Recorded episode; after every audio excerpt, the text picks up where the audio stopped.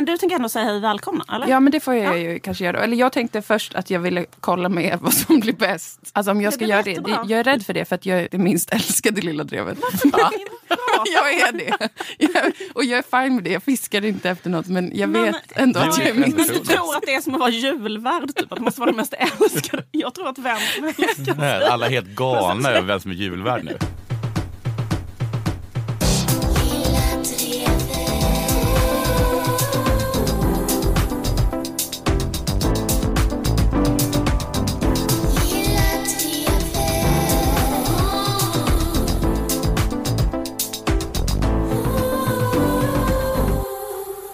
Det här är Lilla Drevet. Men vem är det som pratar? Det är inte Ola i alla fall. Det är ju jag, Moa Lundqvist. Mm. Jag är väldigt obekväm att jag gör det här introt. Du blev extra norrländsk. Blev jag det? Åh Mm. nej, vad sjukt. Vad sjukt. nej, nej, jag fast i en fälla. Sa hon, la in snusen under läppen. Lade ner. Här i studion sitter ju Jon Tanunge och Liv Strömquist. Hej. Hejsan. Hej, Och idag ska vi göra podd utan Ola. För han är på turné. Ja, precis. Han är på en um, hyllad turné, eller hur? Hyllad av Expressen. Wow! Ja, jag läste det på Kulturen där. Och jag tror fortfarande man kan köpa biljetter, eller? Ja, det kan man säkert göra. Vad ska ni prata om idag? Jag har ingen Okej. aning faktiskt. Kanske ska jag tala om eh, SR eller metoo. Jag kommer Okej. inte ihåg. Eller så är det idoler kanske. Idoler? Varför man, ska, varför, man, varför man ska dyrka folk. Jag trodde du menade tv-programmet men inte kunde säga det rätt. Så jag blev Jag riktigt glad orolig för det. ett tag. Jag blev glad och oroad. Ja. Något Ja. av det. Ja. Eh, jag tänker lansera ett nytt, eh, förhoppningsvis stående inslag i Lilla Drevet som ska heta eh, Lilla Drevets Latinamerika-nytt. Det har varit så jävla mycket skitsnack om Latinamerika. Men Ja. jag eh, tycker verkligen att man ska ha nyheter om Latinamerika. Så jag tänkte introducera det i denna podden. Jag har, ingen, eh, jag har faktiskt ingen musiksnutt, men tänk om en lyssnare kunde göra en jingel. Lilla Drevets Men är det maracas då eller? Ja, skulle kunna vara. Bra. Säg inte nej. Don't Musikrasist. say no, no during brainstorm. Jag kommer prata om Håkan Juholt idag. Coolt. Ja. Och även så tänkte jag att vi skulle börja med en djurnyhet. Den vita älgen i Värmland. Jag höll på att ta den också. Tack gud att det togs emot väl. Jag var riktigt rädd att ni Ja, skulle bara... Jag har liksom inte förstått någonting, men jag är Nej, men jag, väldigt intrigued. jag, ska, jag ska återge Ja. hela den. Det är en smutsig eh, historia som vi ska dyka in i. Som handlar om politik, om eh, makt, Sex. Inte sex. Droger. Eh, nej, inte det heller faktiskt. Bara, bara. En jävla massa rock'n'roll. Det handlar om kändisskap. Ah, ja. Eh, men också om kärlek och vänskap över artgränserna. Mm. Kärlek av art kan man säga. Nej, Eller vänskap. Nej, inte bara vänskap. Då. I Värmland så finns det ett kommunalråd som heter Hans Nilsson. Eh, han älskar naturen och han älskar älgar väldigt mycket. Han älskar vita älgar. Och de finns i skogarna där i Värmland. Det, det är älgar som har, de är inte albino, men de har en annan slags grej som gör att de är helt kritvita. Så de har bruna ögon kanske. Det finns fler älgar. Ja, några stycken. Jag vet inte hur många. De ser ut som sagoväsen. Snyggt. Ja. Blond med bruna ögon. Det är erkänt det finaste utseendet, eller? Det är det alla ville Gud vad du ha. smickrar Ola. Han har ju blå ögon. Ja, just det. Aj då, aj då, aj då. Aj, aj, aj. Ehm, I augusti i år så kom äntligen dagen när Hans Nilsson, kommunalråd alltså, fick syn på en eh, kritvit vacker älgtjur. Läser man mellan raderna så förstår man kanske att han inte bara fick syn på den, utan han har letat aktivt på alltså all sin fritid egentligen efter älgtjuren. Mm. Men han fick syn på den och han filmade den när den tog en liten simtur. Här berättar han själv om den här upplevelsen. Man ser eh, den här vita älgtjuren gå ner i, i vattnet och eh, ta några, ja, jag vet inte om han går på botten eller om han tar några simtag framåt och eh, sen klättrar upp på, på andra sidan. Han går fram till en buske och biter av några löv och sen vänder han sig mot mig och tittar rakt in i kameran. Precis som om, om jag hade sagt till honom att göra det. jättevacker stund hade Hans med eh, den vita älgtjuren. Den här videon la han upp och den blev jätte, jätte, jätteviral. Det ledde till att människor flockades till skogarna i Värmland. Till Gunnarskog som det hette. Det här stället där de hade sett honom. Och försökte ta en bild på älgen. Det som det ledde till i sin tur var tyvärr att älgen började bli ganska irriterad och less på människor fram, främst. Då. Och gjorde ett utfall mot en kvinna som var ute med sin hund. Den attackerade henne. Hon vred axeln ur led. Och strax efter det så kom det här domen. Den världsberömda vita älgen i Värmland ska skjutas. Nej. Den ska skjutas. Men är den i bostadsområden? ja, den Det har rört sig. Ja, jo, det verkar som att den har blivit lite psykad av att få så mycket uppmärksamhet. Det låter som att den lite söker sig till uppmärksamhet också. Kanske att den har fått eh, mer smak. Vad är det Det kunde man ju liksom- nästan misstänka där redan från början. Att fast den var vild så vände den sig om för att den skulle liksom bli snygg på foto. Ja, Så den hade det i sig och sen tog det väldigt kort tid innan den liksom absolut inte kunde hantera eh, uppmärksamheten och blev liksom ett jävla svin. Det är Det- mycket det- så här, sluta kolla på mig. Ja. Men du står ju i vår, på vår precis. studsmatta. Och stirrar in i en filmkamera. Idag när vi spelar in tisdag 14 november så lever fortfarande älgen. Mm. Eh, men polisen har utfärdat alltså att den ska skjutas, skyddsjakt. Mm. För att den har betett sig illa. Och den här nyheten kan ni förstå, tog ganska hårt på Hans Nilsson som älskar den här älgen eh, mer än allt. Men han är ju också älgens på ett sätt värsta fiende i det avseendet att det var han som la upp videon som gjorde den förkänd för sitt eget bästa. Oh, fan, vilken, eh, vilket, vilket grymt öde. Ja, det är Att verkligen. äl, döda det man älskar, eller förgöra det man älskar. Ja. Det är väldigt eh, deep shit han har råkat ut för. Det är det verkligen och jag är väldigt berörd av den här historien. För att Hans har mått så otroligt dåligt över det här. Att han gick ut i P4 Värmland och berättade vad han är beredd att göra för att älgen ska få leva. Jag skulle kunna tänka mig att åka dit och agera mänsklig sköld så, så att han inte kan skjutas. Han är beredd att alltså springa Mm. bredvid den här älgen och ta en kula för Men den. är han beredd att ta en kula? Han är beredd.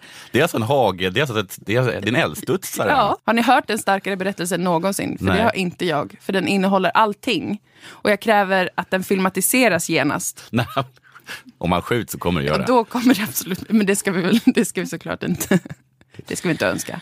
Men det måste vara väldigt svårt att vara mänsklig sköld till en älg också. För att de rör sig på ett annat sätt och är gigantiska. Alltså så att han, Och är, man- är aggressiva mot och är människor. aggressiva mot människor. Absolut. Så att det är ju svårt. I det avseendet, han kan inte täcka hela älgen heller med frågan- sin kropp. Precis, vem kommer döda honom först? Är det älgen eller är det de här uh, människorna med älgstudsaren?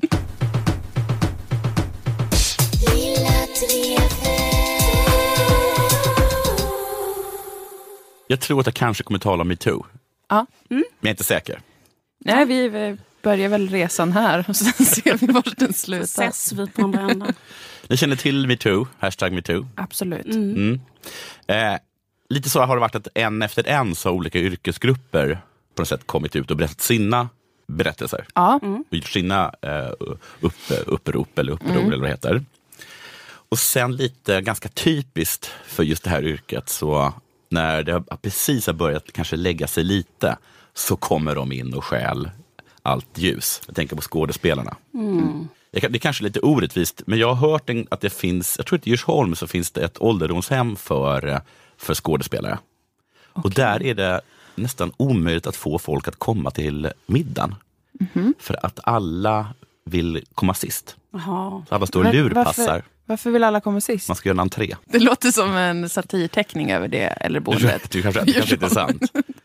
Du tror inte att middagarna börjar vid 23-tiden. Nej. Det låter rimligt. Men nu har jag fast skådespelarna, de, de skrev i Svenska Dagbladet tror jag. Eh, det, var, det var 456 olika namn som stod bakom det här. Mm. Och, och kända namn, Maria Göransson, Lina Endre, Eva Röse, Mia Skäringer och etc. etc. Ändå Jättemånga. inte tillräckligt kända för att du ska komma ihåg exakt vad de heter. Va? Men ändå Men jag måste kunna få, om det är fler. Var att hon heter Marie Göransson. ja, men det, var, inte- det är för att jag inte kan läsa. Okej, det är, inte, det är inte sexism. Det är att du kan inte läsa. Eh, jag kan vara sexist, men jag kan också vara lite dum. Just det. Jag hoppas att det är det senare. Eh, och då, det de berättar är så sjukt och så vidrigt. Och så jävla knäppt. Ja. Alltså det är så oerhört hemskt. Och så himla knäppt. Men var det inte också lite så här eh, att, eh, att man hela tiden under metoo tänkte så här, när ska, ja ja, alltså okej, fine, men när ska skådisarna berätta hur det är för dem? Exakt. Jo, För lite det är så. ju liksom där. Alltså det var så här oss emellan. Ja visst, det har funnits media, det har funnits liksom i problem liksom på TV4 och så vidare. Men jag menar inte den typen av problem som de eh, har liksom inne på Dramaten. Alltså det, Nej, det känns ju som Det att tror det är jag är- känt att det, det är är liksom en- groteskt. ehm, Man kan inte, man kan ju alltså ett fängelse eh, har- mindre övergrepp än Ja, Dramaten. ja, ja, absolut. Alltså, så jag trodde först så här, okej det här pratar vi inte om för det här vet alla redan. Att Ja. det är därför man inte pratar om det. Sen så gick de ut och bara, precis. Men, men visst, vet, men, eh, om vi bara, eh, några av de eh, eh, grejerna eh, är det här med den här personen som blir tvingad av den manliga huvudrollsinnehavaren att hålla hans penis när han kissar i handfatet. Ja, alltså det... Och det är ju vidrigt, Ja. men det är också väldigt knäppt. Ja, ja. Det får vi hålla med om. Eh, alltså att kissa i ett handfat. att inte använda toaletten. Eller vad Var det, var tänker det väl du en jättekonstig grej? Är det inte det? jo. Att liksom Kom in och håll min penis medan jag kissar i ett, i ett handfat. Även för att vara en sexuell övergrepp så är det konstigt. Ja, men, tror du inte att improvisationsskådisar Jo. tänker så mycket utanför Jo, boxen jag. så att en vanlig idiot kanske tänker sig ett sexualövergrepp som är så här, jag tar någon på tuttarna. Ja. Men det är alldeles för svennigt för och basic för dem. banalt för en stor konstnär. Mm. Också någon som berättar om att hon är på, är, bor på ett hotell och så hör hon hur regissören och den manliga skådespelaren sitter och pratar om vem som ska ha sex med henne först. Det var sjukt. Det har jag läst också. Ja, och så blir hon så rädd hon går till ett rum eh, och sen hör hon hur de försöker ta sig in då. Genom Ja. dörrar och fönster och jag vet inte om de, de fastnar i skorstenen till slut eller någonting. Jag vet inte vad de höll... Alltså, Ja, hon fick ringa till någon annan som skulle skydda henne. Ja. För det var, ja. Så, hon, ja, nej, det var, det var väldigt... Eh, Det är, en, det är verkligen en skräckfilm. Precis. Handling. Jag ska läsa den här också. Eh, repetition på den stora scenen, första veckan, hela ensemblen. Det manliga geniet drar ett skämt inför alla och helt plötsligt tar han ett stenhårt grepp runt mitt bröst. Jag blir så chockad att jag hinner tänka, eh, att, innan jag hinner tänka, skriker Vad gör du? Han håller kvar handen hårt runt bröstet, ignorerar mig, tiden står stilla. Alla tittar. Jag ser andras ögon vidgas och hur deras ansikten rodnar. Tänker att snart gör någon något. Men total tystnad. Manliga och kvinnliga skådespelare som jag länge beundrat och vissa som dessutom är mina nära vänner. Ingen säger något. Någonsin. Det är jävla märkligt. Det är faktiskt väldigt, faktiskt väldigt märkligt. Men sen är det också bara liksom hela, hela liksom miljön på något sätt. Det här liksom att regissörer som är arga över att en 17-åring inte verkar tillräckligt kåt. och, och skriker typ, var kåtare. Det är också, håll med om att det är konstigt. Ja, det, är knä, det är fruktansvärt men det är också väldigt, väldigt underligt alltihop. Ja. Det är konstigt att skrika var kåtare. Alltså, för jag har aldrig hört tror jag, det ordet böjas på det sättet. Alltså som ett imperativ, eller vad heter det? Uppmaning i uppmanande form. Det känns som ett helt eh, nytt sätt att använda språket. Ja. Alltså, jag kan liksom inte någon situation när någon skulle skrika till någon annan argt var kåtare. Nej. Nej, nej, det kan bara hända på teatern. Och sen är det också det här, de menar att, att det är många personer som hela tiden blir förälskade i dem. Det är också väldigt, väldigt jobbigt. Att olika män blir förälskade Ja, i att dem. de hela tiden är på dem och är jättekära. Fläckband. Och så var det någon som, som kysste någon för att han berättade att han kan bara spela när han är kåt. Nämen. För han är så orolig att regissören ska skrika var kåtare. Eller jag, jag vet inte. Jag vet inte. Och det är liksom, ja. Det är väl bara, och det är ett fruktansvärt övergrepp, men det är också bara undligt. Vad mer var det som jag läste om som var så himla konstigt? Jo, så var det det här att de faktiskt, det här är också en yrkeskategori som väldigt ofta är tvungna att arbeta med dömda brottslingar. Alltså, alltså som tokstollar, riktiga liksom, eh, kriminella som då blir jätte, jättearga och får såna här raseriutbrott. Jag är så himla rädd för när folk blir arga. Det är Ja, fruktansvärt det är obehagligt. jätteläskigt. Ja, det måste vara så jädra jobbigt att de verkar så arga skådespelarna. Ja, Att de egentligen ska skrika på varandra. Precis. Att de, att de, får, bli så, att de får bli så arga. Ja, men det är något med det här med att man blir så uppmuntrad till så det gränslöshet eller att man jobbar med hela tiden att This is Paige, the co-host of Giggly Squad, and I want to tell you about a company that I've been loving, Olive and June. Olive and June gives you everything that you need for a salon quality manicure in one box. And if you break it down, it really comes out to $2 a manicure, which is absolutely insane. It's also so easy to get salon worthy nails at home with Olive and June. The difference between how your nails used to look when you did them yourself and now with the Manny system is a complete game changer. The best thing about Olive and June too is it's a quick dry. Dries in about one minute, lasts for five days, and full coverage in up to one to two coats. Visit oliveandjune.com slash perfectmanny20 for 20% off your first system. That's oliveandjune.com slash perfectmanny20 for 20% off your first system.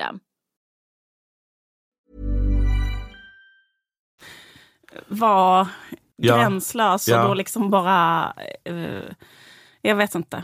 Är man kanske, slutar man kanske kunna sätta sådana helt vanliga gränser? Ja. Jag vet inte hur det är med lajvare, om de också har det så. Det, jag har inte hört något. Det kommer Och vara jag, nästa vecka. jag känner mig spontant inte misstänksam mot lajvarna. Nej, men det har jag ändå hört att, liven är, att livemiljön är extremt eh, oerhört sexuell spänning. Okej, Har jag höra Okej. från säker men på källa. ett positivt sätt. Ja, så, I min lilla liksom naiva hjärna så känns det som att där, eh, där är det på sätt lite mer glädje.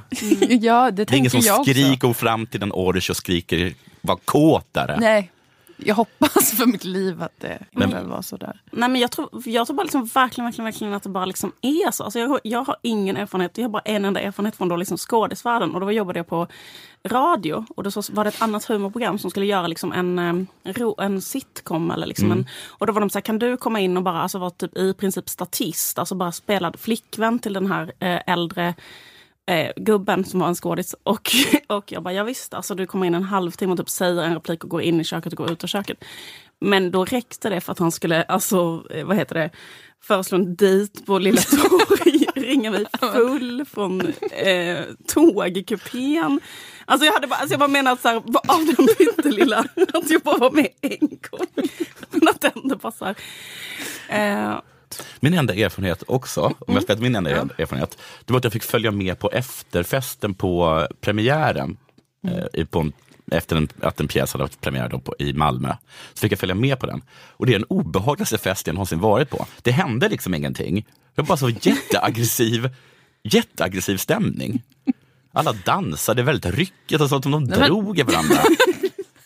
Nu, nu låter jag, vet jag, hör jag hur svagt det här låter. Alltså du hade inte kunnat få vara med av de här 476 med den här erfarenheten. Alltså du hade inte kunnat stå i så här kursiv stil i, i SvD. Att du var på en fe- fest och folk dansade ryckigt och det kändes Men aggressivt. Så här liksom, men så här kåt, aggressivt, fast man vet inte om de var upphetsade. Ja, det var, väldigt- jag, jag, kan, jag, kan, inte- jag kan inte förklara det annat än att det var väldigt, väldigt obehagligt. Ja. Jag förstår att eh, det här inte ens kommer få bli en fotnot då i den här. Nej. Men nu har jag fått berätta min historia, det känns väldigt skönt. Hashtag metoo. Hashtag memtoo. Hashtag Så, tystnadtagning. jag har också drabbat män. Ja. Nu är det sagt. Ja, men precis som du sa, Mm. det här visste man ju redan. Ja. Det är intressant att det här blev på något sätt, för det här blev väldigt, väldigt stort. Men det här vet vi ju i mångt och mycket för att de har berättat det för oss i sina memoarer eller i sina intervjuer. Jag tänker så här på Tommy Berggren och Ingmar Bergman. Liksom. Har De har ju bara- sagt det rakt upp och ner. Har det inte också bara stått väldigt mycket i kvällspressen? Jo. Alltså, Ja, jag det menar, har här med varit sådana upprop Eh, Jag innan. menar, eh, alltså allt är så här... eh, Den och den Dramatenskådisen var på Grammisfesten, låg med den här 17-åringen, tog kokain, Ja. krockade med en bil. Alltså det, har, det, det känns ju som att det har framgått att, att eh, Ja. sånt här sker. Och att, liksom, att de är väldigt liksom, vad ska man säga, undvikande över, att de, att de skyller över eller någonting. Det är liksom, man, man ska, ska nämna namn. Alltså Torsten Flink, han, skulle, han, vet, var det liksom tre uppsättningar i, i rad som typ lades ner för att han eh, bara liksom försvann? Eller var liksom, alltså det, är- det är intressant, alltså han kom, jag kommer ju oftast väldigt oförberedd kanske till, till jobbet. Men han kommer ju inte alls. Kanske kommer dit, drar en lina, har inga skor på sig, försvinner. Och så allting läggs ner. Och sen liksom nästa år så får han göra exakt samma sak igen. Så det är inte, inte heller nytt liksom att de har ett, vad ska man säga, ett oerhört tålamod. Mm, väldigt stort tålamod sen med den här typen av jag, beteende. Torsten Flink, jag kommer ihåg när jag läste Stig Larssons bok. Då berättade han att han gick på en fest, varför hans vänskap med Torsten Flink slutade. Då var det att Stig Larsson hade varit på en han hade några gamla vänner som hade en dotter, alltså en ung dotter, kanske 17 år. Jag är redan livrädd. Då liksom kommer, så är Stig Larsson så här, du kanske ska få följa med mig på teatern, alltså som en vän till familjen. Men så skriver han rakt ut att det är ju också för att han vill kunna komma till den här teaterfesten med en 17-årig tjej som är jätte, jättesnygg. Alltså det är det som är hans motiv. Aha. Eh, och, eh, Vad säger men föräldrar, ja, det, det är så här, jag vill jättegärna vara på teatern med den här 17-åriga tjejen på den här festen för att hon är så jävla het. Så här, Hon Ja. är barn till mina kompisar. Kompisarna har då gått med på det för de säger ja, men den här vännen till vår familj, ja, han liksom är, är, har, har erbjudit sig att visa tjej. henne. Och vi hade ju en snygg tjej. Vi hade ju avlat fram en snygg tjej. Vad ska vi annars stycken. göra? De verkar vara otroligt dåliga föräldrar. För att de är bara så här, det är kul för henne att få gå på teater med vår vän. Klart hon kan få göra det. Hur som helst, det som händer direkt när han kommer till teatern är att Torsten Flink går fram och raggar upp den här 17-åringen och typ tar med henne hem. Mm. Eh, ligger med henne på ett vidrigt sätt. Nej, det vet inte jag. Det, det, det, det, kan vi bara ana vad som händer. Men då blir han så jävla sur över det, för han tycker liksom att han har blivit eh, du vet, hans manlighet har blivit liksom hotad. Detta var liksom skälet till deras... Eh, varför de inte är vänner längre. Jaha, Ja, usch. vad synd att de ska bråka över det. Ja, Det var otroligt dålig tjej. eh, barnvakt. så vidrigt. Stig Larsson. Jag tänker på det här Tommy Berggren, är det inte Tommy Berggren som, eh, och, och, med Pia Degermark? Mm. Så, så är det rätt namn nu? Jag vet inte. Heter hon eh, Degermark? Det heter hon säkert. Hon kanske inte heter det längre? Eller? Nej, Nej. förlåt att jag har... Som skulle brytas, brytas ner och sättas på. Ja, just det. Ja. Ja, men Eh. Tommy Berggren, där, där går det inte ens... Vi har inte programtid. Nej, nej, vi har inte programtid till det. så här, många menar liksom att det skulle vara så här method acting eller att det bara finns en sån himla, som det här manliga geniet, kulturmannen som, som Åsa Beckman Mm. skrev om för länge sedan. Eh, jag är så himla rädd. och, Jag har brutit ner Jonathan nu för Ja. att, som en slags... Liksom, ja, genom åren. Ja. Men ehm, eh, eller att liksom det skulle vara, jag hörde att någon skyller på Keve Hjelm. Att, att det var han som började med att man skulle vara sånt jävla arsle. Skitsamma. Eh, jag vet inte. Men det jag tycker är så himla intressant eh, är att de är så himla dyrkade eh, och liksom hyllade. Och så var det ju liksom med Martin Timell också. Och inget, ingen, inget kan hota dem. Och det, det enda som jag kan förstå med det är ju i alla fall att där finns det i de här branscherna liksom med, med reklam-tv och med, eh, ja, med gissar Dramaten då, att där finns det ändå någon sorts, liksom, någon sorts ekonomisk incitament för att låta dem hållas. Eller? Alltså man, kan, man kickar inte Martin Timell för att han drar in Ja, det 20-30 varumärket miljoner kronor åt TV4 varenda år. Ja. Det gör, tycker jag, att Sveriges Radios eh, skandal med SR-profilen som har varit ungefär lika, alltså, likadan. Alltså en person som har varit så himla högaktig, varit den stora stjärnan. Som har haft, jag menar, hon har haft liksom en jätteredaktion som bara gått ut på att hon ska eh, må bra och stilla hennes ångest och säga att hon är underbar och eh, då och då låta sig förgripas på. Eh, där förstår jag inte alltså, varför, varför får hon vara... Det finns, ju inget, det finns ju inget ekonomiskt incitament där, på Sveriges Radio. Men är det inte Ja. att det är ett otroligt älskat program och det är en profil som är väldigt viktig för dem? Eller? Ja, men var, varför, varför har inte resten av Sveriges Radio samma härliga liksom, P3-inställning? Det vill säga att man kan byta ut vem som helst på fem sekunder, vilket ofta stämmer. ja, det brukar Men gör det verkligen det? Alltså stämmer det verkligen? Ja, jag har fått för mig att det stämmer. Det är vad vi har fått höra. De säger att det stämmer. De säger att det spelar skulle- ingen roll vem som gör programmen. Vad skulle de ljuga För det spelar ingen roll Alltså, om det är du varför, eller vem liksom som skyddar, helst. varför skyddar Sveriges Radio? Det spelar ingen roll hur många Nej. som lyssnar på P4 eller, eller vilket program det nu är. Ja, det bor... Nej, de har ju inte... Det spelar ingen roll! Nej. De, ibland så brukar de så här läsa upp hur många som lyssnar. Vem bryr sig? Vi får ju de pengarna ändå. Ja. Om noll lyssnar, eller att den här personen är populär, det spelar väl ingen roll. Sätter vi... Eller att den är bra. Vi kan bara, vi kan bara knä, eller, det- eller att det är speciellt bra. är inte så viktigt. Nej. Det ska bara fyllas med tid. Liksom. Så då är det så himla underligt att, att den personen har fått hållas tycker jag. Ja, det är faktiskt lite extra weird. Det har du rätt i. Men bra, då, är, då, då, då, då tycker alla likadant. Ja, jag, jag, tycker, jag håller med. Och då säger jag tack för mig. Tack. Tack. Tack.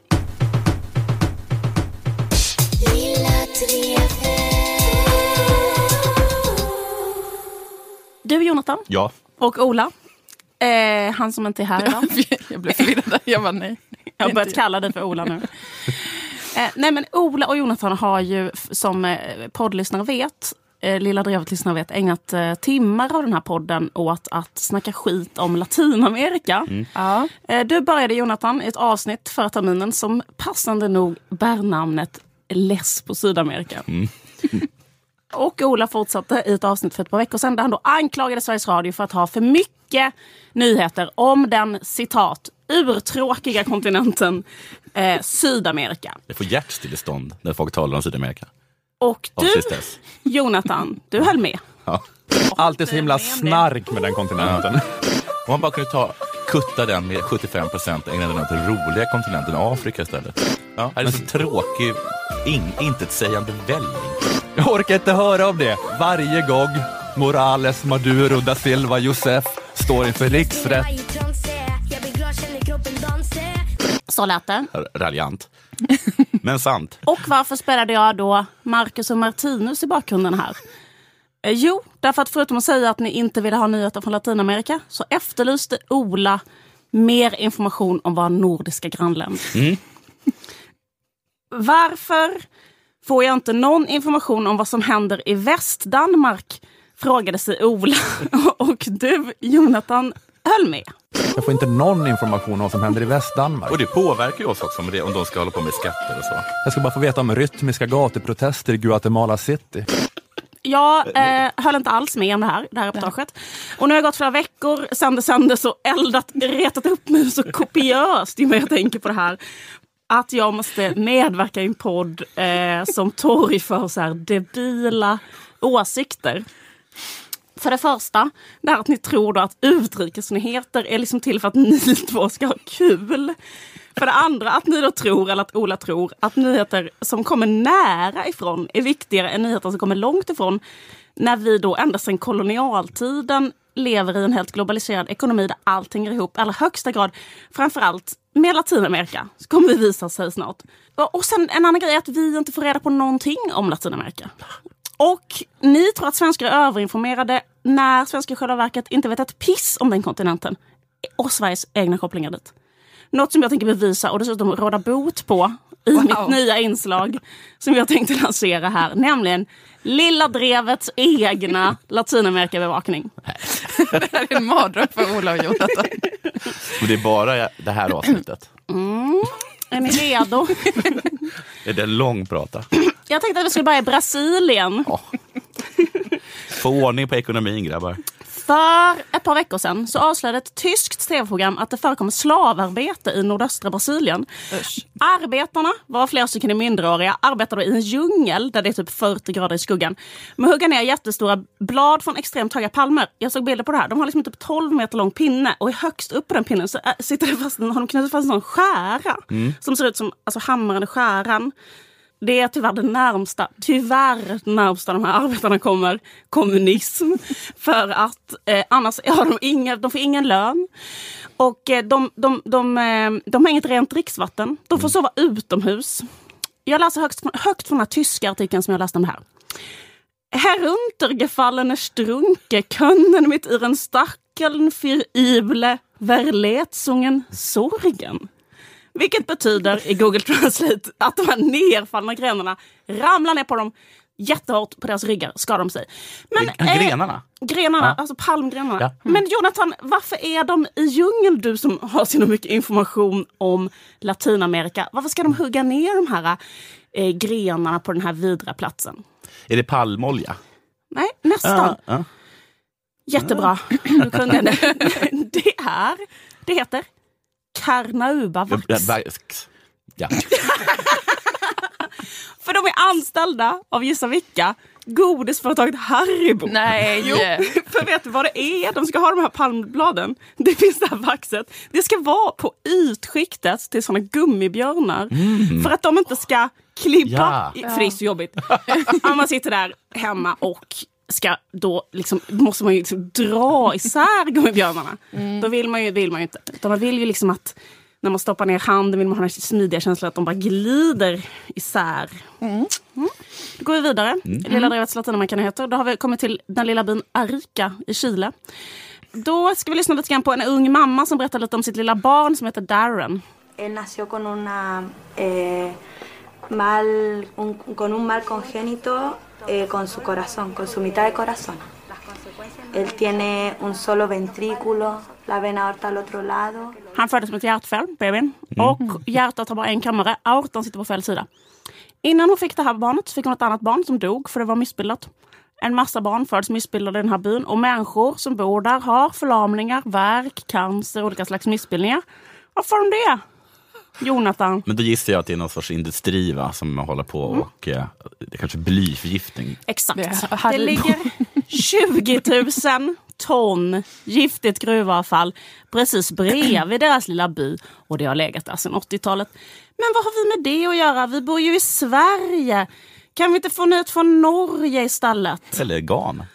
Men det här avfallet kommer från Sverige. Från det svenska företaget eh, Boliden. Ja. Det producerades i Sverige. Och vinsten antar jag, för de metallerna som utvanns gick väl till oss här. Men avfallet kunde inte vara kvar. Varför inte? Vi lyssnar lite ur dokumentären Blybarnen som man kan kolla på. Men i början av 80-talet skärptes de svenska miljölagarna och Boliden tvingades till åtgärder.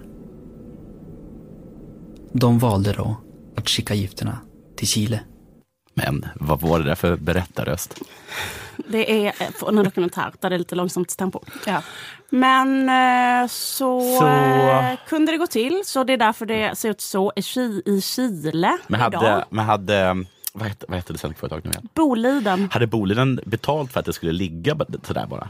Nej, men jag menar vad fan är grejen med att sälja, alltså ha ett företag som går med vinst, Mm. ta den vinsten och sen inte få, ha- liksom, oavsett om man säljer, sen, sen säljer man det till en jävla maffiaföretag som låter det ligga. Mm. Men den Utan här, att kolla upp. jo, men jag kände ju till den här nyheten. Gjorde det. Det gör jag, för att jag har säkert hört den fyra, fem gånger redan. Men du, Men jag är fortfarande självklart upprörd. Jag tycker inte att det är rätt. men du tycker fortfarande inte att det är rätt att rapportera från Jo, men, men det är bara att det är så, det är så liksom, det är så o, att det, det är, jag har inte, inte exakta siffror, men jag tror att det är mellan 89 och 92 procent av alla utrikesnyheter är från Sydamerika. Då går vi vidare till den sista stationen i Lilla Drews Latinamerika-nytt och det är Peru. Mm. Havsbottnen i Peru håller på att dö. Latinamerika är bara en trist och grå välling, Ja. sa du Jonathan. Och det har du verkligen rätt i om du pratar om Perus eh, kust. Åh nej. Eh, vad, varför? Eh, det beror på att de har en fiskmjölsindustri där. Vi ska lyssna lite på den här eh, filmen från Naturskyddsverket. Maria Elena Foronda Farro har kämpat mot fiskmjölsindustrin i Chimbote under årtionden. Hon har fängslats för sitt arbete men släppts fri med hjälp av Amnesty. y están generando problemas de contaminación impactos en la salud de los niños. Problemas respiratorios, problemas alérgicos en la piel. Mm. Förutom att havet då är en trist grå välling så får då barnen också samma sak här. På grund av miljögifter så får de jätteallvarliga allergier, andningsproblem och sånt där. Berättar den här miljöaktivisten som också blivit va- vad heter det, arresterad för att hon påpekar de här problemen. Men vad har vi med det att göra? Nej, men jag Vi tycker det- inte Jag är glad att inte vara äter Jonathan eller från. Peru. Varför berättar ni inte nyheter istället om norsk lax eller något sånt där? För det är ju det som svenskar äter till 90 procent. Ja, det, Jo, det, vad äter laxen? Vad äter din middag Nej. till frukost? den heter kanske fiskdamm då. Vad heter det? De äter fiskmjöl som är importerat Från- från Peru. Det är härifrån norska laxodlingar köper ungefär en tredjedel av sitt fiskmjöl. För varje kilo odlad lax krävs mellan 2 och 5 kilo annan fisk. I staden Chimbote finns det stora konflikter mellan fiskmjölsindustrin och lokalbefolkningen. Förutom att industrin drar upp den småfisk som utgör en nyckelroll för hela ekosystemet så förorenas både luften och vattnet av fabrikernas utsläpp. Då var vi på tiden att det kom en, aj, aj. att det kom en nyhet från Norge. Ja, du försöker verkligen rädda ditt eget skinn nu Jonathan. Ja, men ja, det är jätteintressant. Jag tycker verkligen att man ska, att man ska, vad heter det, att man ska bevaka de där norrbaggarna. Vad de håller på med. De är svin, det kan, Ja. säga, det kan jag säga direkt. Ja. Alltså grejen är att det är typ värre eller lika illa att äta en odlad norsk lax som att äta en jätteräka. en jätteräka. Ja, jag menar, ni vet snacket om jätteräkor. Ja. Ja. ska man inte Ja. äta vet alla. Däremot så tänker folk så här bara, ja men lite lax. Då äter de nermalda såna här eh, fiskar då som förstör eller gör eh, det som du helt korrekt beskrev som en grå välling. Visst, rätt. Men visst var det ganska tråkiga nyheter? Jag blev ju ledsen, det var ju tråkigt avseendet att det var, var sorgligt. Och så har man hört dem hur många gånger som helst från Sydamerika. År efter år är det så. Inte alla. Allt det Du visste inte det här. Du kan inte säga nu att du visste Det här visste jag om. de här jag människorna om. som gjorde utskiktet på Haribos gummibjörnar Nej. är slavar Nej, i en sån jag djungel i Peru. Det visste jag inte. Att Boliden, jag menar det finns hur mycket som helst, nu hade inte jag så mycket tid. Men jag funderar på att göra en sån här nyhet från varje land i hela Latinamerika. Jag hoppas att du vet att Percy Barnevik har ju satt alla mapuche-indianernas heliga land under vatten och så vidare. Har han? Till en- Ja, men kolla, visste inte du? Han har bara gjort det till två jättestora dammar. Men varför? Därför att det behövs vara något jävla gruvbygge. Alla våra pensionspengar är i Latinamerika i en I sån människofientlig gruva eller en sån damm eller i det jävla Haribo. Vadå? Det är så. Ja. kommer komma mer i nästa vecka av Lilla Drevet Ah, okej. Latinamerika. Bra. Lilla Drevet Drevet sponsras ju av Akademikernas A-kassa och fackförbundet Jubesek. Akademikernas A-kassa är för alla er som är eller är på väg att bli akademiker. Att vara med kostar bara 100 kronor i månaden och då får du upp till 20 000 kronor i månaden när du står utan jobb. Läs mer på akademikernas.se om hur du gör för att gå med, om hur stor ersättning just du skulle få vid arbetslöshet och om varför det kan vara en bra idé att gå med i a-kassan redan under studietiden. Är du eller är på väg att bli jurist, ekonom, systemvetare, personalvetare, kommunikatör eller samhällsvetare ska du gå med i fackförbundet Jusek. Då får du en del av Juseks inkomstförsäkring som ger dig 80% av lönen upp till 80 000 kronor. Jusek stöttar er också på en rad andra sätt i arbetslivet, till exempel genom lönerådgivning och karriärrådgivning samt att du företräds juridiskt om din arbetsgivare skulle bryta mot lagar och avtal. Läs mer på jusek.se. Att vara med i Akademikernas och Jusek kostar 351 kronor sammanlagt. Är du redan Akademikernas medlem lägger du alltså bara till 251 kronor för att också få vara med i facket. Tack Akademikernas och Jusek.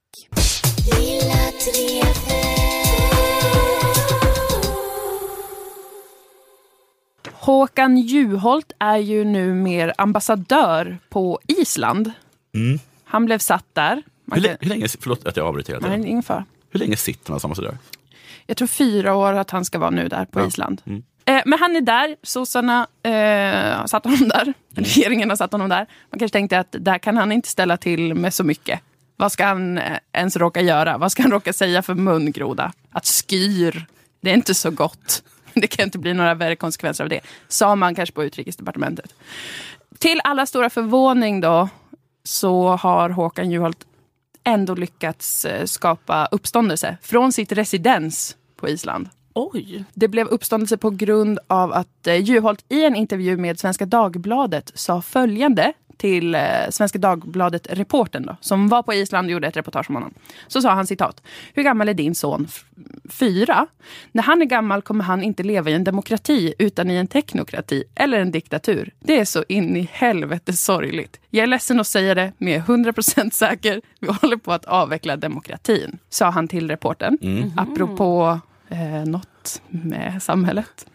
Han, han utvecklade inte det. Ja, han utvecklade det lite grann senare. Det var inte liksom en plan som han själv sitter och jobbar på som han råkade läcka. Det kan vi inte veta än. Det kan jag lova dig. Jag är det är- 100 Att procent din säker. grabb är vuxen. Då har jag tagit kontroll. Vi har tio pers som sitter och jobbar just nu dygnet runt på hur det ska gå till att avskaffa demokratin. Nej, men reporten eh, följde upp det lite senare och frågade vad han menade. Mm. Eh, exakt med det här. Då sa han följande. Jag tror inte att hotet är en diktatur med rullande stridsvagnar på Sergels torg, utan ett expertstyre där vi inte låter landet styras av medborgarnas värderingar. Demokratin glider oss ur händerna, färre vill bli folkvalda, partiet tonar ner ideologin. Visst, jag ser en risk att det kan bli en diktatur på sikt. Det var hans förtydligande. Alltså han förtydligade vilken typ av diktatur han tror att Sverige håller på att bli. Det här uh, uttalandet gjorde att flera politiker i Sverige blev upprörda. Alltså, för att uh, han är ambassadör och då ska man inte säga sånt om Sverige. Alice Bah Kuhnke blev arg, Stefan Löfven blev arg. Alla moderater jättebesvikna. Alltså oerhört besvikna. Eh, utrikesminister Margot Wallström, hon är ju då ansvarig lite sådär. Mm. Hon var besvärad också, men hon var den som kanske var minst överraskad ändå. Och hon har konsekvent hållit linjen. Han får ju förklara själv vad han menar. Och han är ny på jobbet. Det har varit hennes... Eh, Ja, Trump... Eh, lite, förklaringen. Mm. lite så. Att han kommer lära sig det här sen, för han är ju ny. Alla är vi nya någon gång. Men moderaten och riksdagsledamoten Carl-Oskar Bolin, han blev så upprörd att han skrev en interpellation, alltså en fråga riktad då, till Margot Wall- Mhm. Wallström. Wallström. Wallström. Förlåt, jag ska, Ja, men inte, jag sa- ska sluta och Nej men det, Nej, det, det är är bra. jättebra att du sa det. Bryt ner oss. Jag har skrivit... Det är bara att du aldrig bygger upp oss. Du är som en halv skådis, eh, vet du det, pedagog. Det är bara det, är bara det sadistiska. Jag ska kalla henne Margot W.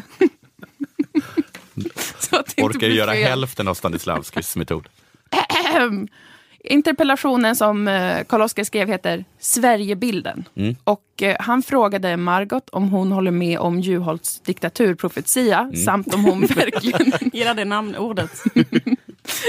och om hon verkligen har förtroende för honom som ambassadör. Om hon liksom säger att han kommer lära sig jobbet sen och sånt. Mm. Är det verkligen bra då med en ambassadör? Det är ändå högsta chefen så det är en stor eh, stol. Eller vad Men det är också på Island. Ja, Så- precis. Det var Hennes det. svar borde vara, men vad ska vi, vad, vad, vad ska vi ska vi skicka lägga honom? honom? Vi har skickat Ja. honom till en karg ö i Medelhavet. Nej, förlåt, i Atlanten. Med så här, bara några invånare. Ja, jag, jag tycker det... Det är hans Elba liksom. Men interpellationsdebatten gick till så att Margot skulle svara på den oro som Carl-Oskar Bolin faktiskt känner gällande Sveriges ambassadör på Island. Eh, fler hoppade in, för att i en interpellationsdebatt då får ju fler vara med. Mm. Hillevi Larsson var med, eh, Lars Beckman var med. Mm. En moderat och en sosse till. Mm. Eh, I övrigt var plenisalen tom. Mm. Eh, men de skulle debattera frågan i alla fall. Kan Juholt vara kvar på Island? Har du lyssnat på den debatten? Ja. Wow. Det är Eh, alltså, kan han vara kvar och det är det enda stället han kan vara på. Det är de två åsikterna som står mot varandra. Eh, frågorna var... Kan vi skicka honom ut på en båt bara? Så han kan sitta på en båt. Oljeplattform, frågetecken. Kan man inte bara skicka någon just till, vad heter det, Surti? Surti, vad heter det? Surtsey. Vet du det? Men vad heter den där ön som bildades? Heter det så? Ja, precis. Han kan vara ambassadör där. Ja, det, det kanske är nästa förslag Ja. som de försöker in. Men det här skulle vara då en debatt i riksdagen. Eh, redan från sekund ett så höll Margot, som ju var med, hon skulle svara på den här frågan. Hon har haft två veckor på sig att förbereda svaret, för det får man när det är en interpellation. Eh, hon höll från sekund ett på att tappa förståndet och bli gränspsykotisk. Antagligen av känslan av meningslöshet att behöva stå där och prata om det här. Men hon höll sig kvar mentalt. Hon var med i en halvtimme och fortsatte på linjen att Juholt är ju ny på jobbet och det som händer då är att man kan råka säga att Sverige håller på att avveckla demokratin. och så sedan så försökte hon även uppfostra lite grann Carl-Oskar Bolin och moderaten Lars Beckman som då också av okänd anledning ville vara med i debatten och säga, säga sitt. Så det här var liksom Margots eh, återkommande line. Men precis som jag sa, ingen kan allting när man träder till. Inte kunde inte ni när ni kom till riksdagen heller, utan man lär sig efterhand. Ganska så uppfordrande Mm. till Lars och Carl-Oskar. Att ni kunde inte heller allt på jobbet så, när ni började. Så hur ska ni Ja. förhålla er till det nu då? När Ja. ni fick den här sanningen slängd i ansiktet. Det svarade de inte på. För det ska man inte heller behöva svara på. Em, Lars Beckman som då var med för att stödja Carl-Oskar Bolins linje. Han sa att då det, det är dåligt för Sverigebilden. Håller han med om. Det här är dåligt. Han försökte förtydliga hur dåligt det är genom det retoriska greppet. Upprepa din mest kärnfulla mening en gång till. Det gick sådär. Carl-Oskar Bolin är bekymrad över att när ni utsåg Håkan Juholt till ambassadör på Island så skadade det Sverige och svenska intressen. Det skadade Sverige och Sverige, svenska intressen. Det, var, det gick sådär. Men det var... Men du kan upp och förklara det vad den tidigare talaren hade sagt. Ja, men lite, för det blev, det blev en intensiv debatt. Det var, de var tvungna att hålla sin linje, Moderaterna. Eh, och, och Margot stod ju bara och sa detta med att när man är ny på jobbet så kan det bli så. Så han var där för att liksom understödja det. Sen så, så började debatten spåra ut ur lite. Jag såg alltså hela eftersom att jag tar demokratin på extremt stort allvar. Mm. Jag är ingen sån slacker 90-talist som bara är så här, det kan vara diktatur bara jag får spela tv-spel. Eller hur nu ungdomarna är. Jag kollar på varenda minut av webb-tv som riksdagen, liksom på riksdagens hemsida. Duktigt. Mm. Det är inte sant. Men ändå. det som eh, Lars Beckman sen började komma in på var lite förvirrande. För han började berätta en anekdot om hur han och socialdemokraten Hillevi Larsson, som också var med i debatten, de har varit i Wien eh, och då hade hon spridit en dålig Sverigebild när de hade varit på resa tillsammans och de hade tillsammans försökt också eh, förbättra Sverigebilden. Det blir, det blir ganska förvirrat, men det här var hans, ett av hans inlägg i debatten. Jag och ledamoten Hillevi eh, Larsson var ju på svenska ambassaden i Wien. Vi stod där i samband med civilutskottets resa. Vi pratade om handgranater i Malmö. Vi pratade om en granne till ledamoten från Malmö som hade fått sin son ihjälskjuten. Och eh, de blev mer och mer vit i ansiktet där på ambassaden över den Sverigebilden som sprids. Så det finns ju naturligtvis två bilder och vi gjorde naturligtvis väldigt mycket tillsammans för att lindra den Sverigebilden som trots allt fanns. Han skrattade till där lite. Ja, Han över att de blev så vita i ansiktet. Han kanske insåg, han hörde vad det var han stod och sa. Eh, nej men det, det han, han ville berätta med den här anekdoten var att det, kan, det är dåligt att sprida en dålig Sverigebild som Hillevi när hon Nej. pratar om Malmö. Och han också, att han kanske också själv var med och spred den dåliga Sverigebilden, lät det lite som. Ja. Men att han sen var med och försökte göra en bättre Sverigebild Mm. ändå. Ganska billig falafel i Malmö. Kanske något sånt. Eh, Det började handla om det här. Det började handla om den här typen av att det finns en dålig Sverigebild som Ja. är Malmö då. Ja. som Hillevi Larsson och Lars Bäckman har försökt eh, eh, motarbeta när de har varit i Wien och Hillevi fick gå upp i talarstolen. Hon skulle förklara sin sida av hela det här debaclet med när hon var med och spred en dålig eh, Sverigebild och det gjorde hon och försökte förklara alla bra Sverigebilder hon hade försökt ge när hon var i Wien. Eh, när det då gäller eh, det här om eh, mina uttalanden då på ambassaden i Wien så är det så att bilden är ju känd över att det har varit en del skjutningar, till exempel i Malmö där jag kommer ifrån. Och jag var ärlig och, berättade, jag bor i ett, det område där det kanske har varit flest skjutningar i Malmö. Jag berättade hur det var, visst det har varit många skjutningar, men samtidigt, jag är inte ett dugg rädd. Jag cyklar överallt och jag kommer inte sluta med det. Jag har inga livvakter, inget sådant.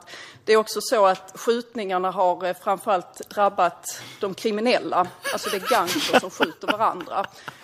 Vad är här debatten om? Vad fan handlar det om? Men det, det var en sak. Visste Hillevi att, att hon skulle bli utpekad och, och därför var hon där för att försvara sig? Eller var det något som han kom på i stunden? Jag vet Just det, Hillevi har ju suttit och berättat om Jag tror att de har förberett det. Jag blir så trött på Malmö när jag hör detta. Alltså därför att så det där hon sa nu, det är vad, vad varenda Malmöbo Ja. säger. Alltså där är vad, vad, vad Malmöbor säger. Först är man lite ball och säger så här, jag bor där det är skjutning, eller hur? Ja. Det är lite coolt, Mm. bo i en sån gangsterstad. Sen är man ändå bara så här, jag är inte ett rädd för det är inte farligt. Jag har inte livvakter. Har För det är interna gänguppgörelser. Ja. Ja, precis. Det är, det är kriminella som skjuter varandra, det är ingen fara. Malmö är lite som de där vet du, två riddarna som slåss i, i um, jakten på hela graal. Va? Mm. han som blir av med, med armen så säger han bara så här, äh, det här är bara ett köttsår. Det var ganska bra Ja, liknelse. det var ganska bra. Sen så hoppar han efter Ja. utan armar och ben och så skriker den andra What are you gonna do? Ja. Plead on me. Ja, precis. Ja, det är kul. Den är bra. Den är riktigt bra. Och så är hon liksom, när hon upprätthåller Typ Sverigebilden. Hon kunde inte bara motstå eh, frestelsen att verka ball Ja, och i sen- Wien och verka street för lite så här, eh, människor som blir, tycker det låter jätteläskigt så här, och som jobb, jobbar liksom någonstans på något så här lite fint kontor i Wien. Ja. Och jag cyklar överallt. De bara, kan du cykla? Kan du cykla Har du inte en... Okej, jag tänker mig att det stod andra personer där under hela den här jättelånga perioden när bara Lars och Hillevi stod och pratade om sina liv i Malmö. Ja. Och de visste inte vad de pratade om. De var inte vita av skräck utan mest av... De hade stått där i 45 minuter och inte sagt någonting själva. Det var bara Hillevi som pratade om hur hon cyklar och inte blir skjuten. Väldigt, eh, det var lite av en detour i den här interpellationsdebatten. Det Lars Beckman också ville ha sagt var nog lite att han tänker att sossar kommer undan med att sprida en dålig Sverigebild. Men när han står och säger att Sverige är ett, eh, eller ett, Om han nästan en sorts sossediktatur. Mm. Och Då att här får man inte tycka eller tänka någonting. Precis. Jag tror att han hade en sån känsla i alla fall. Ja. Att sossarna kan gå och sprida en dålig Sverigebild och säga Ja. att det är en diktatur. Han hade stått snart. på ambassaden och klagat över skattetrycket. Ja. Och så kom Hillevi och bara, "Ah, vad håller du på med? Skriver en dålig, sprider en dålig Sverigebild. Mm. Och sen, för, för att hon hade skulle något att säga, så började de snacka om granatkastning. Ja, Då tänkte han bara, men vad fan. Det där är ju en dålig Sverigebild. Precis, så kan det mycket väl faktiskt ha varit. Men men, eh, vad, vad som då var Mm. huvudfrågan i detta var ju Carl-Oskar Bolins eh, riktade fråga till Margot Mm. W. om huruvida hon också tror att Sverige håller på att bli en diktatur, precis som Håkan Juholt. Eh, det svarade hon aldrig på och Carl-Oskar Bolin fick upprepa sig alltså otroligt många gånger och bli mer och mer desperat. Jag eh, har eh, ett litet klipp med det här som jag försökt speeda upp eftersom att han pratar så väldigt sakta. Att man, man hör bara ett ljud. Om man inte speedar upp det, då hör man bara som med valsång. Alltså ett väldigt lugnande, lugnande ton. Men, eh, men det här var hela hans eh, stund i debatten. Jag får börja med att eh, konstatera att utrikesministern överhuvudtaget inte i sitt svar berör min första fråga. Nämligen om hon eh, delar ambassadören på Islands eh, bedömning att Sverige håller på att utvecklas till en diktatur. Jag noterar att utrikesministern fortfarande inte väljer att svara på om hon delar ambassadörens bedömning att, eh, så som han då påstod i den här eh, tidningsartikeln som var inte bara ett lösryckt citat utan ganska utbroderad, en utbroderad förklaring till, till hur ambassadören menade att Sverige riskerar förvandlas till en diktatur på ganska kort sikt. Jag kan konstatera att eh, utrikesministern har trots fyra vädjanden från min sida fortfarande inte svarat på den första frågan. Delar hon ambassadörens bedömning om att Sverige på ungefär 14 års sikt riskerar att, att bli en diktatur? Jag har inte fått svar på den frågan. Men jag tycker det är konstigt därför att jag, menar, jag, jag fattar faktiskt inte hur man kan bli upprörd av en sån sak. För att, eller i och för sig. Då är det, Man kan menar, dumt. liksom, det, det, ja men det är Ja. väl liksom en otroligt så här, generisk så här, gubbåsikt. Alltså människor, gubbar. Fattar du vad jag menar? Som sitter och säger så här. Om tio år kan jag säga dig att det kommer gå åt helvete. Och det, liksom, är inte det, alltså, man kan ha den här idén att det ska bli en teknokrati eller att det ska bli eh, vad heter det, sharia-lagar. Eller att det ska bli, man kan liksom, beroende på vilket liksom, läger man tillhör eh, så är det jättevanligt att man bara så här, eh, har en sån här åsikt. Det är väl bara att vara en gubbe eller? Ska det vara olagligt? Ska det vara olagligt att vara en gubbe? Ambassadörgubbe. Att man bara är en gubbe som sitter och läser saker på internet och blir så heligt förbannad. och är lite för gammal. Alltså är inte det bara... ehm, Det är det ambassadörer är. Ska det verkligen gå så långt att det inte ska vara tillåtet? Mm. Och vad blir det för ett samhälle? Vad blir det? Han, En du borde ha fört hennes talan. Ja, men jag, Liv, jag vill att du ska svara på frågan. Är det? Alltså, tror du att det kommer bli diktatur om tio år? Och det är bara, och jag vill att du svarar på frågan, får man inte vara gubbe längre i det här samhället? Då kan det stå så. Jag är så himla glad att du lyssnade på det här. Ja. För att jag tror att det hade känts så himla konstigt att de samlades där. Ja. Var det på, lun- på lunchen eller? Eh, det var det här som, det, det, jag, det jag tänkte faktiskt var ju när jag såg allt det här. Eh, det var ju en vanlig dag i riksdagen Ja. och det utrikesministern spenderar 24 minuter i det här gänget. Ja. Pratar om det här. Och det är ju ett tecken på att demokratin verkligen inte håller på att avvecklas i Sverige. För att man hade alltså under 24 minuter en debatt som webbsändes, som vi kunde ta del av.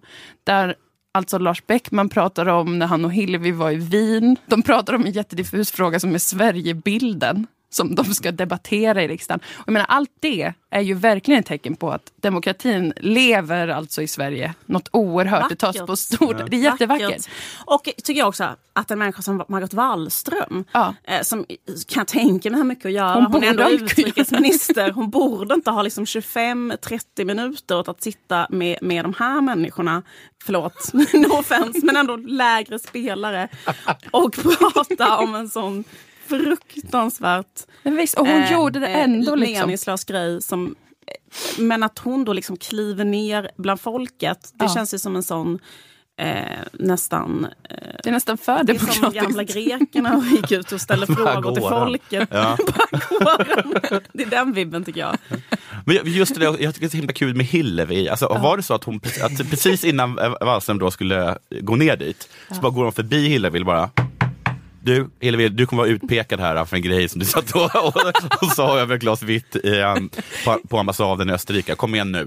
Ja. Du, måste, du, måste, du är utpekad. Vad var det du sa för någonting? Nej, jag Jag det. bor i ett område i Malmö där det är Ja, ja, jag har hört den. Du berättar det varenda gång. Ja, du kan cykla överallt. Men det är bra, dra den nu. Det är jättebillig falafel. jag äter falafel varje dag.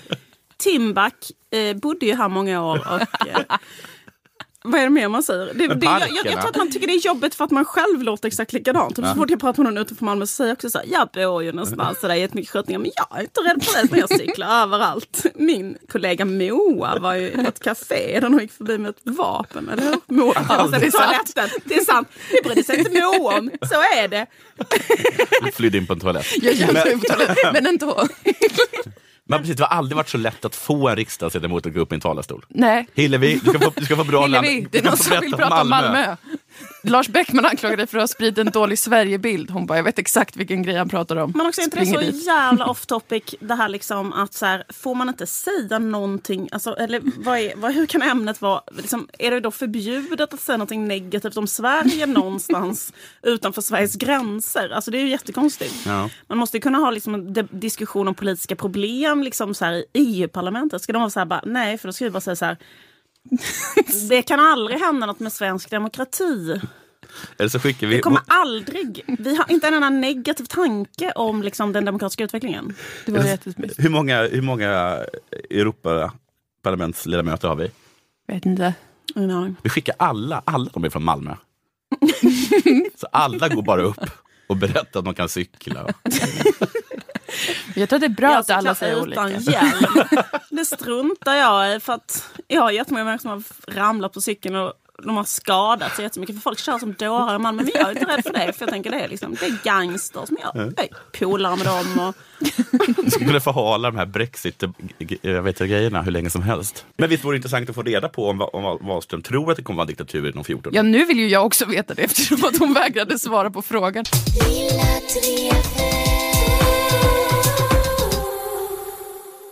Okej, men vi är klara för idag Ja. mm, med podcast. Tack för att ni lyssnar, Mm. säger man väl.